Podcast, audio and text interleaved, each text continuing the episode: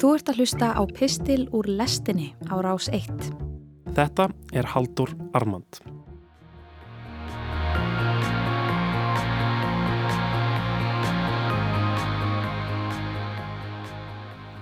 Babilóniumenn til forna höfðu þann sið að senda hérna sjúku út á torg þar sem aðrir gáttu komið og ráði þeim heilt um sóttarfar þeirra.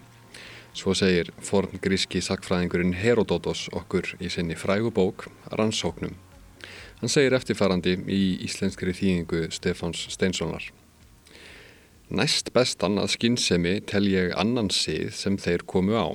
Þeir færa hérna sjúku út á torgið af því þeir hafa ekki lækna.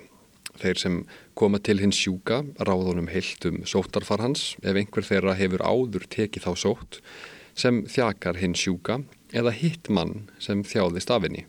Hinn er aðkominu lesa þeim sjúka þá ráð og mæla því bót sem leisti þá sjálfan undan sömu sótt eða þeir sáu að öðrum batnaði af. Ekki leifist þeim að ganga þögglir fram hjá hinnum sjúka fyrir en þeir hafa spurt hvaða sótt hrjái hann. Þetta er skemmtilega kenning hjá kallinum en víst um leið ekki sönn. Strax um 1800 fyrir Krist voru til tvennskonar læknar í Babilón. Asíbú læknar sem sérhæði sig í fyrirbóðum og særingastarfsemi og svo Asú læknar sem framkvæmdu líkamsgreiningar og mæltu fyrir um meðferðir. En er þetta eitthvað svo ólíkt okkar tímum, þannig séð, svona með við það að það eru lítil fjögur þúsund ára á milli. Þetta torg sem veikir Babilóniumenn lögðust, eða lögðust ekki á, er í dag kallað Instagram Stories. Nýlega var ég stattur við landamæra eftirlitið í lefstöð. Ég fekk þar pinna ofin í kók og upp í nef samkvæmt kunstnarinnar reglum og var þaðan beint að litlu skíli þar sem vegabrefa eftirlit ver venjulega fram þar sem ég fekk í hendur bækling með sótt kvíareglum frá tveimur manneskum í lögreglubúningi. Önnur þeirra saði síðan við mig Þú ert svo með smitrækningarappið, er það ekki? Ég hristi höfuðið. Mundi svo bara að sækja það. Bætt hún þá við og brosti móðurlega til mín. Þetta er ekki vinsæl spurning á tíma veirunar en hversu margar af þeim viðtæku frelsisskerðingum sem almenningur býr nú við verða ekki teknar tilbaka eftir að faraldurinn er afstæðin. Sagan kennir okkur að það er einmitt á svona tímum þar sem viðvarandi breytingar eru gerðar í krafti ástands sem kallað er undan tekníkar ástand. Þú ert ennþá látin taka þér beltið, klæða þig úr skónum og standa með hendur fyrir ofan höfuð í gegnum lýsingartæki og jafnvel gefa fingra fyrir þín á landamærum vegna þess að fyrir 20 árum flugu tvær þótur á hús í New York. Þá hofst stríðið gegn hriðiverkum og hvað innrásina í engalíf fólks varðar, þá stendur það enn yfir. Um leiðir kannski ekkert sérstaklega lógist af mér að finnast það heldur dystopíst að lögreglan sé að segja mér móðurlega að vera með app svo það sé hægt að fylgjast með mér. Það er ekki svo Google veit ekki nákvæmlega alltaf hvar ég er. Ég vel að ganga með internet tengdan snjálfsíma hver er munurinn á því að alþjóðlegt eftirlitsfyrirtæki eins og Google viti allt um mig og hvar ég er eða íslensk yfirvöld. Þótt vitaskuld séu til staðar fól sem halda því fram að það sé jákvægt að við getum átt samskipti úr fjarlægð með aðstóð stafrætnar tækni þá trú ég því ekki að samfélag sem grundvallast á félagsforðun eða social distancing sé pólitíst eða einfallega mannlega lífanlegt.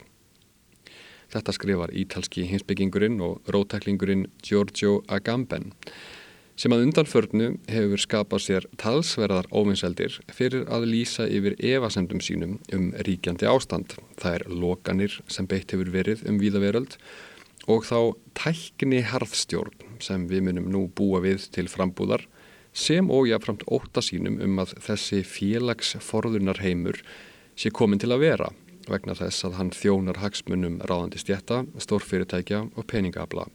Það eru jú auðvitslega gífurlegir hagsmunur í húfi þegar kemur að því að færa félagslíf fólks ennþá meira inn í stafræna heiminn að Instagram Stories sé nýja almannarýmið. Agamben er ekki á móti lókunum og félagsforðun vegna þess að hann er svo spenntur fyrir sænskuleginni. Nei, ef að semtir hans snúast um það að verið sé að skapa ómanneskjulegt samfélag til frambúðar.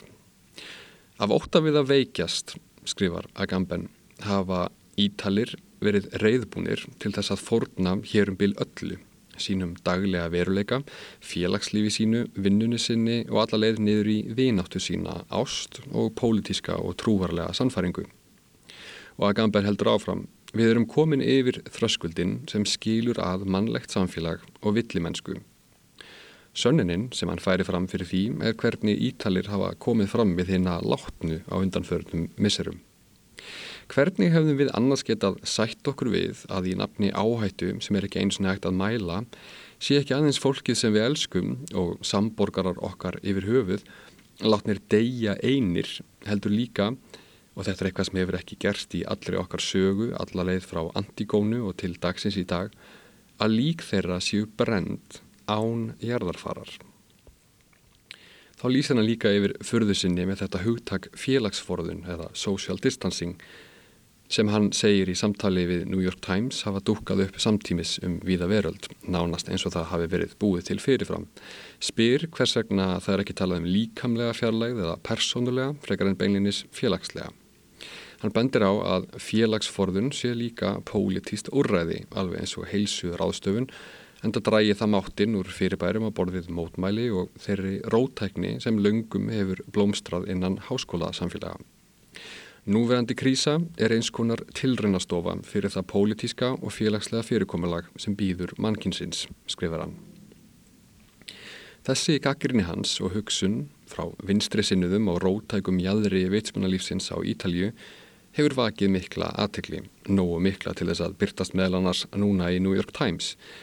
En henni hefur líka verið afar illa tekið eins og þú getur ímyndaðir. Gaggrinnin hugsun telst guðlast á tímum COVID-verunar. Þetta er ekki tíminn fyrir hana, eins og margir segja, og viðbröðin viðinni bera jafnan enginni trúvara sannfæringar. Hann hefur verið sagaður um afneitun, svona svipaðan hátt og talað er um þá sem afneita helförinni. Hann hefur verið sagaður um að vera senílt gamalmenni. Hann hefur verið sagaður um mannhatur og allt þetta klassíska. Það má vel vera að Agambens í tómurugli, veit ekkert hvað hann er að tala um og verði að fara átt að sjá því að við séum vist öll í sama liðinu, eins og segir í stúkunni á lögurdagsvelli. Hann er hins vegar með það á ferilskráni að hafa áður haft rétt fyrir sér í þessum efnum, til dæmis um það hvernig heimurinn myndi breytast í kjölfar árasona á tvíburaturnana árið 2001. Ég get ímynda mér að þessar pælingar Agambens pyrri mjög marga, þeir vilji helst ekki heyra þær, en ég fjalla um þær hér vegna þess að ég er þakkláttu fyrir það að einhver þóri að hugsa upphátt um það hvaða afleiðingar núverandi ástand mun hafa fyrir samfélag manna til lengri tíma þegar það losnar loks úr greipum óttans. Það væri næft að halda að þetta tímabundna undantekningar ástand muni ekki hafa viðvarandi breytingar í förmessir á réttundum og frelsi manna. Það er umhugsunavert, svo ekki sem er að sagt, og kannski er einmitt við hæfi að nýta tíman í sótkví til þess að blada aðeins í gömlu heimsbyggirritunum. Í Babilón til forna bar heilbreyðum skilda til þess að eiga samskipti við hérna sjúku á torgum, þar að segja ef við tökum marka á Herodótusi. Það mátti ekki hunsa þá eða láta þá afskipta. Á yfirborðinu var það til þess að hinnir sjúku gætu leitað eftir ráðleggingum þeirra sem vext höfðu af sambærilegum sjúkdómi og náð sér. En svo spyr maður sig hvort það hafi kannski verið önnur ástæða líka undir niðri. Svo vittneskja að það væri hinnum sjúku ekki síður mikilvægt að hitta annað fólk, svo þeim liði að þeir tilhyrðu ennþá samfélagi manna.